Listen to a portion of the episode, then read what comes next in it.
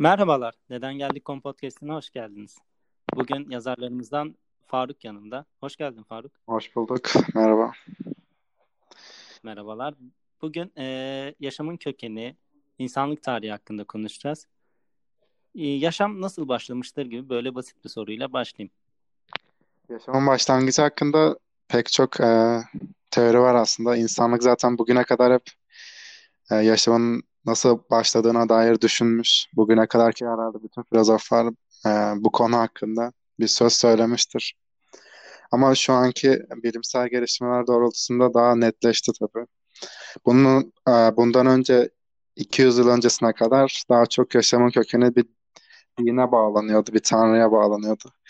Ondan ilk canlı bir tanrının işte e, dokunmasıyla oldu gibisinden düşünceler e, vardı. Hatta bilim dünyasında bile bu kabul görüyordu. Sadece bunu işte göz ardı edip de araştırmalar yapmaya devam ediyordu. Yani mesela e, Aristoteles de yaşamın kökeni üzerine düşünmüş. Bunu bilimsel yollardan açıklamaya çalışmış bir insan. E, tamamen e, bu konu hakkında araştırırken doğayı temel alıyor. Doğaya, doğa hakkında düşünüyor. Nasıl başlamış olabilir gibi. O da zaten sudan geldiğini falan düşünüyor yaşamın. Ama yine de bir inancı var. Çünkü hiçbir şey kanıtlanmış değil. Bir inanç sahibi hala. Ama o inancın işte bilimine etki etmesini, bilimine etki etmesine şey yapıyor. Etki etmemesini sağlıyor. Bir kenara koyuyor. Zaten o sayede bir şey, şeylerin temelini atabildi. Bilimin temelini atabildi. Şu an modern en kabul görür, bilim dünyasında en kabul görür teori e, abiyogenez diye bir şey var, Kur'an var. Abiyogenezde yaşamın cansızlıktan canlılığa geçtiğine dair bir teori. Bu pek çok e, kanıta sahip bir teori aslında.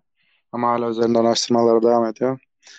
Hmm, ilk hücrenin işte e, ilk dünya koşullarında oluştuğuna dair bir teori tamamen o dönemki ilk dünyanın oluştuğu, ilk dünyanın çıktığı dönem dünya daha böyle sıcak, daha oksijenin olmadığı bir dünya var. Daha volkanik ve e, o şartlar bir laboratuvarda deneniyor. O şartlar sağlanıyor. O dönemki gazlar veriliyor deney tüpüne. Buna hatta Miller Urey deneyi deniyor. İlk abiyogenes teorisini e, kanıtlamaya çalışan deney. Bu şartlar altında işte e, şu an aklımda değil o dönemin o dönem dünyada olan gazlar o tamamen o şartlar sağlanıyor ve tamamen e, yapay bir şekilde bizim e, içimizde bulunan işte biz 20 tane amino asitin ürünüyüz aslında. 20 tane amino asitin şifreleri veya bir şekilde kombinasyonuyuz diyeyim. Baya 17-18 tane böyle amino asit üretiyorlar. Tamamen o şartları sağladıkları için e, canlılığın temeli olan bu nükleik asit falan direkt e, üretiliyor bir laboratuvar ortamında. Bu direkt canlılığın kanıtı değildir. Cansızlıktan geldiğinin kanıtı değildir. Ama yine de büyük bir ad, ad, e, adımdır ki ondan sonra da e, bu deneyden sonra da bir sürü farklı deneyler yapılmış. Yine organik moleküller üretilmiş laboratuvar ortamında. Bunun devamında ilk canlıyı da belki ilk hücreyi bile üretebiliriz bir gün. Tamamen e, belki de hala o şartları, dünyanın o ilk şartlarını tam olarak bilemiyoruz. Bir sürü bilimsel alan iç içe aslında. Hepsinin ilerlemesi buna katkı sağlıyor bir şekilde. Ee, genel olarak bilim dünyasında kabul gören teori bu. Yani cansızlıktan canlılığa geçiş, abiyogenez teorisi. Ve kanıtlanmaya devam ediyor her gün. Anladım hocam. Bayağı uzun bir demeç oldu birden. Ben de şaşırdım. Şöyle e, merak ettiğim iki soru çıktı buradan. Yani ben aslında biyoloji çok kavramsal olarak içinde bağlı olmasam da son dediğini Çağrı Mert'in Evrim Ağacı buradan onlara da selam olsun. Hı Okumuştum. Dört tane e, element mi diyeyim, madde mi diyeyim artık bu suyun altında suyun oluşumuyla bir araya geliyor. Cansız bunlar. Ve oradaki birleşimiyle canlılığı oluşturduğunu okumuştum. Bir hani bunun hakkında bir şey soracağım. Bir de ikinci olarak da Aristokles örneğini verdin sanırım. E, bu e, ilk çağlarda bile hani bu filozofların yaşama dair başlarken Tanrı'ya inançları olması ve aslında bilimsel araştırma yaparken de bu tanrı inancıyla dayalı yapmaları engeldir demiştik. E, peki e, benim normal Türkiye eğitim sisteminde görülen de bir şey var. Bir uydurma mı diyeyim artık ne diyeyim. İnsanlığın aslında bir beyin loblarından birinde tanrı inancı olduğu. Ben bunu evrimsel süreçlerle falan yorumlamıştım ama bu ilk soruya da ikinci soruya da genel olarak nasıl bakarsın, nasıl cevaplarsın deyip sözü sana bırakayım tekrardan. İkinci sorunda evet gerçekten e, beynimizde bir parça var. Amigdala diye bir bölge var beyinde. Bu bizim e, inancımızın, inanma isteğinin geldiği yer olarak tanımlanıyor bilimde. Bunu da e, evrimsel sürece bağlanıyor tamamen. İnsanlık çok eskiden ilk artık ilk toplumsallaşmaya başladıktan sonra zaten bir tanrıyı yaratıyor ve e, o günden bugüne az bir süre geçmemiş. Yani şöyle söyleyeyim milyonlarca yıl geçti. Neredeyse 3-4 milyon yıl geçti o ilk topluluklardan bugüne kadar. Bu yüzden bu şeyinde e, inanma e, inanmaya başladıkları için milyonlarca yıl içinde aslında biraz da beynimize kazınmış gibi bir olay oluyor. O insanların hala biz e, kalıntılarını içimize taşıyoruz bir şekilde. E, artık şöyle bir e, şey olabilir. E, evet.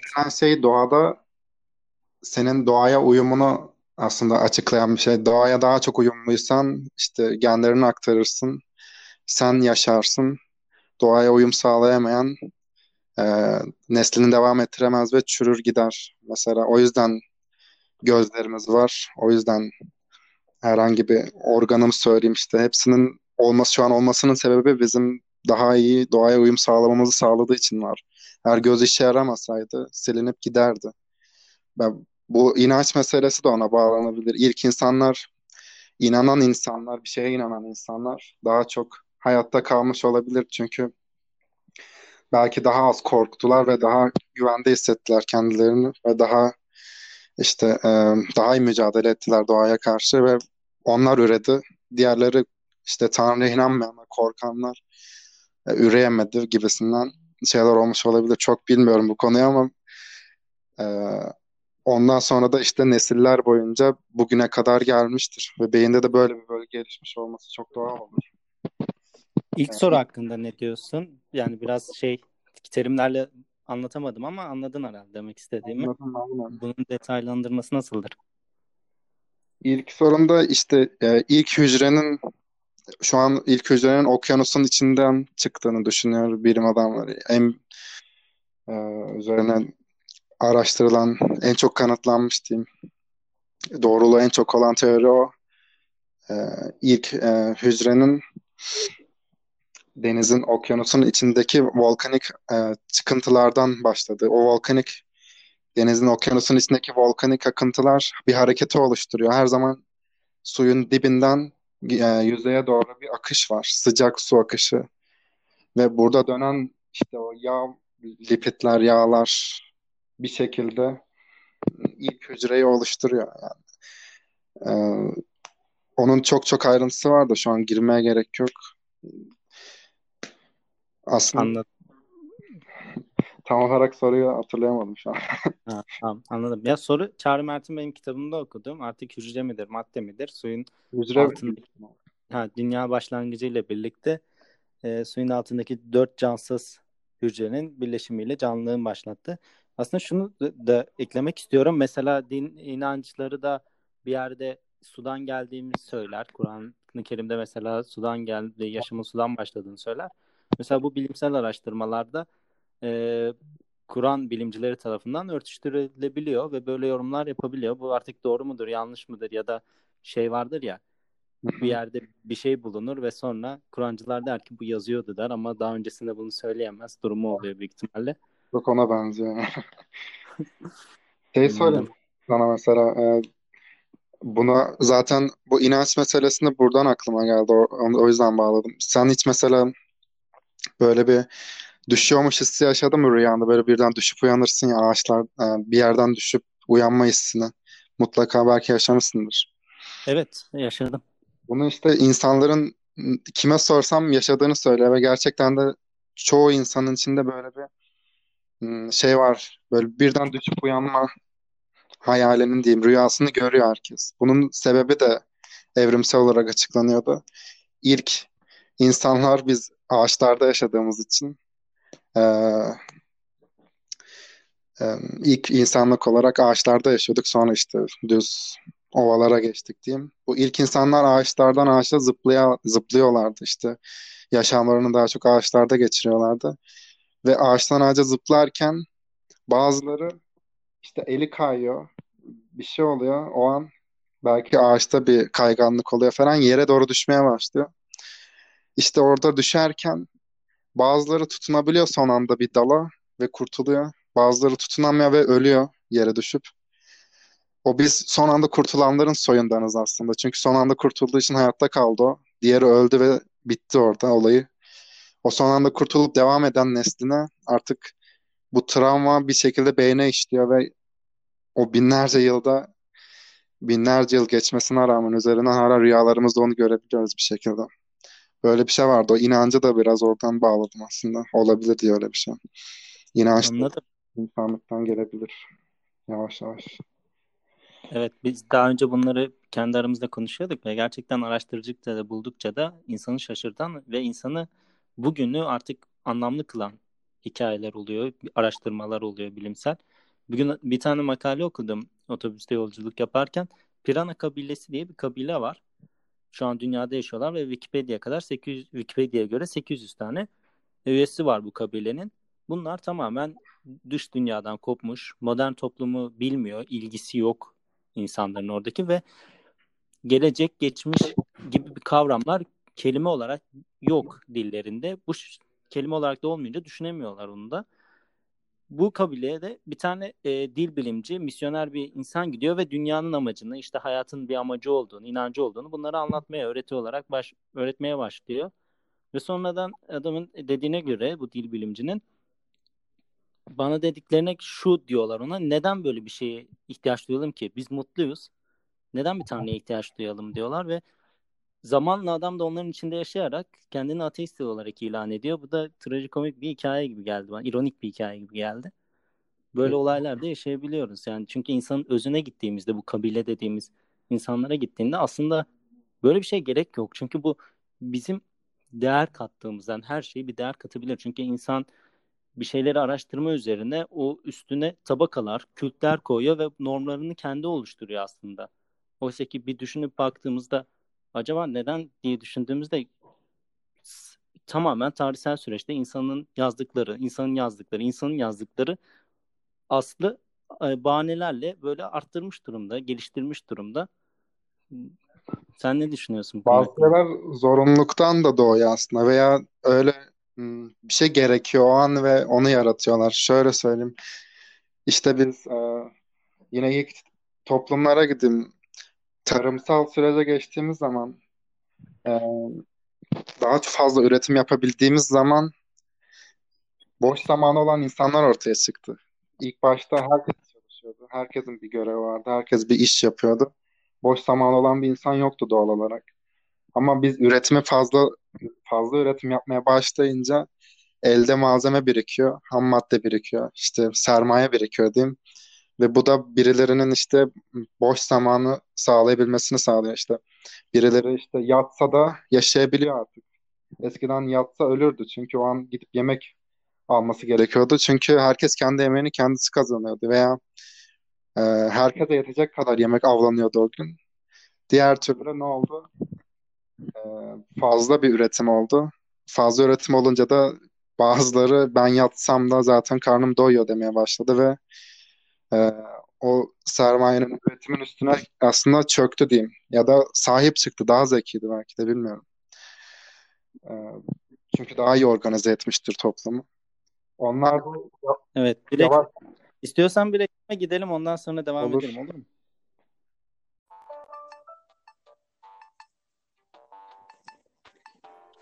Dinlediğiniz üzere bir reklamımız olmadığından devam ediyoruz. Nefesimizi aldık, sularımızı içtik evet. ve sizlerleyiz. Tam e, yayını kapatmadan önce aslında biraz daha böyle Marksist tarihe giriş yapmıştı Faruk. İnsanlığın komün olarak yaşamasından ve artan üründen bahsetmişti. Yaşamın kökenini konuşuyoruz bugün. E, yaşamı başlangıcından aldık. Cansız Dan canlıya geçişi konuştuk. E, Tanrı inancına değindik ve şimdi de yine insanlığın yaşamı ilk tarihi Faruk'la e, başlıyoruz. Buyur Faruk. Aslında e, bu din konusunu tam kapatmamıştım, ona bağlayacaktım. E, insanlar ilk başta işte üretim artı üretim artıyla boş zamanlar elde etti ve ondan sonra da ilk başta ilk dinler e, herhangi bir kural ilk dinlerde herhangi bir kural olmazken e, üretimin fazlasıyla genişleyen toplumlarda dinlere de kurallar gelmeye başladı. Çünkü bu bir zorunluluktan doğdu aslında. Yani ilk inanışlar evet ilk insanlar daha yerleşik hayata geçmeden de bir şeylere inanıyorlar ama bunların bir kuralı yok yani sadece bir inanç. Ama toplumsallaşmaya başlayınca insanlık artık bu e, dinler kurallara gebe oluyor. İşte toplumu daha işte düzende tutmak için olsun veya birileri işte sermaye sahip olduğu için artık bunu da biraz yedirebilmek için halka. Çünkü e, birileri çalışırken sen diyorsun ki e, tamam siz çalışıyorsunuz ama sizi ben yöneteceğim. Bunlara da ben e, sahip olacağım. İşte benim kişiliğim altında hepsi bütün sermaye toplanacak diyorsun ve işte insanlara da e, bir şeyler sunman gerekiyor. Onların e, nasıl desem daha rahat yaşayabilmeleri için. Daha manevi düşünceler pompalaman gerekiyor. Bunlar da dinin kuralları yaratmıştır diye düşünüyorum ben. Doğru aslında yani duvarlarını kendilerini ördüler. O yüzden hani genelde mesela ekonomi yorumlarken de dünya görüş yorumlarken de şöyle bir argüman kullanılır. İnsanın e, varoluşsalında var ya da ne bileyim insanın doğasında var gibi aslında çok e, yatsınacak, bilimle yatsınacak e, argümanlar değil bunlar. Çünkü insan da zamanla işte kendilerinin oluşturduğu duvara göre o duvarın içinde yaşamaya layık kalmaya, o duvarda rekabet etmeye çalışıyorlar ve bu şekilde de artık bencil oluyorlarsa bencil, inançkar oluyorlarsa inançkar yaşıyorlar. O yüzden aslında hani bu duvarları sorgulamadıkça ne kadar bilim yaparsak yapalım, ne kadar e, ileriye dönük bir şeyler yaparsak yapalım bir engel her zaman perspektifimizde oluşuyor diye düşünüyorum. Başka eklemek istediklerim bir şey var mı? Pardon? Yok bu e, hani dedin ya doğa, doğamızda var deniyor genelde böyle şeyler. Bunlar çok değişken aslında. Bundan 100 yıl sonra, 200 yıl sonra insanların bizim bu doğamızda var ya dedikleri şeyler şu an hiç olmayabilir yani. Daha oluşmamış bile olabilir.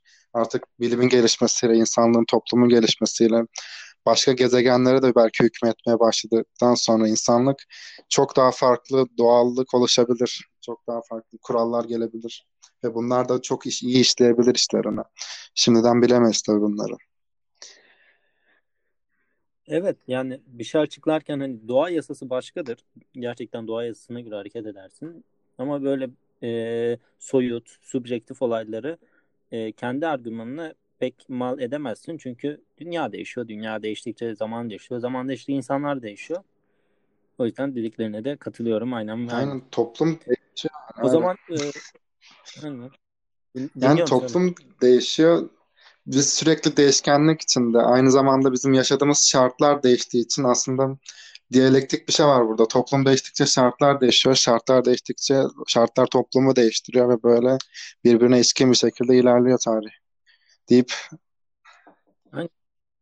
Aynen. Bu bölüm devam eder gibi arkadaşlar. Çünkü konuşmak istediğimiz çok konu var. Mesela dine giriyoruz ama dine konuşacak çok konu var. Dinin tarihini de e, aynı dayandırdığımız temeller ölçüsünde alabiliriz. İnsanlık tarihini daha da detaylandırmak mümkün. Bilimi, evrimsel biyolojiyi de detaylandırmak mümkün. O yüzden bunu bir bölüm haline getirmeyi düşünüyoruz. Aynı esnaf bölümümüz gibi. Bugünlük bu kadar konuştuk. Son e, izleyiciler, dinleyicilerimize diyeyim. Yeni medyaya biraz alışmakta zorluk geçiyor, çekiyoruz. Neler demek istersin Faruk? Yani bilimle kalsınlar. Her zaman e, şu an için şöyle söyleyeyim evinde kalsınlar daha çok aslında Covid'den dolayı. bilimle kalın. Herkes bilimle kalsın. Sonraki bölümlerde görüşmek üzere. Bilimden ayrılmayın. Görüşürüz.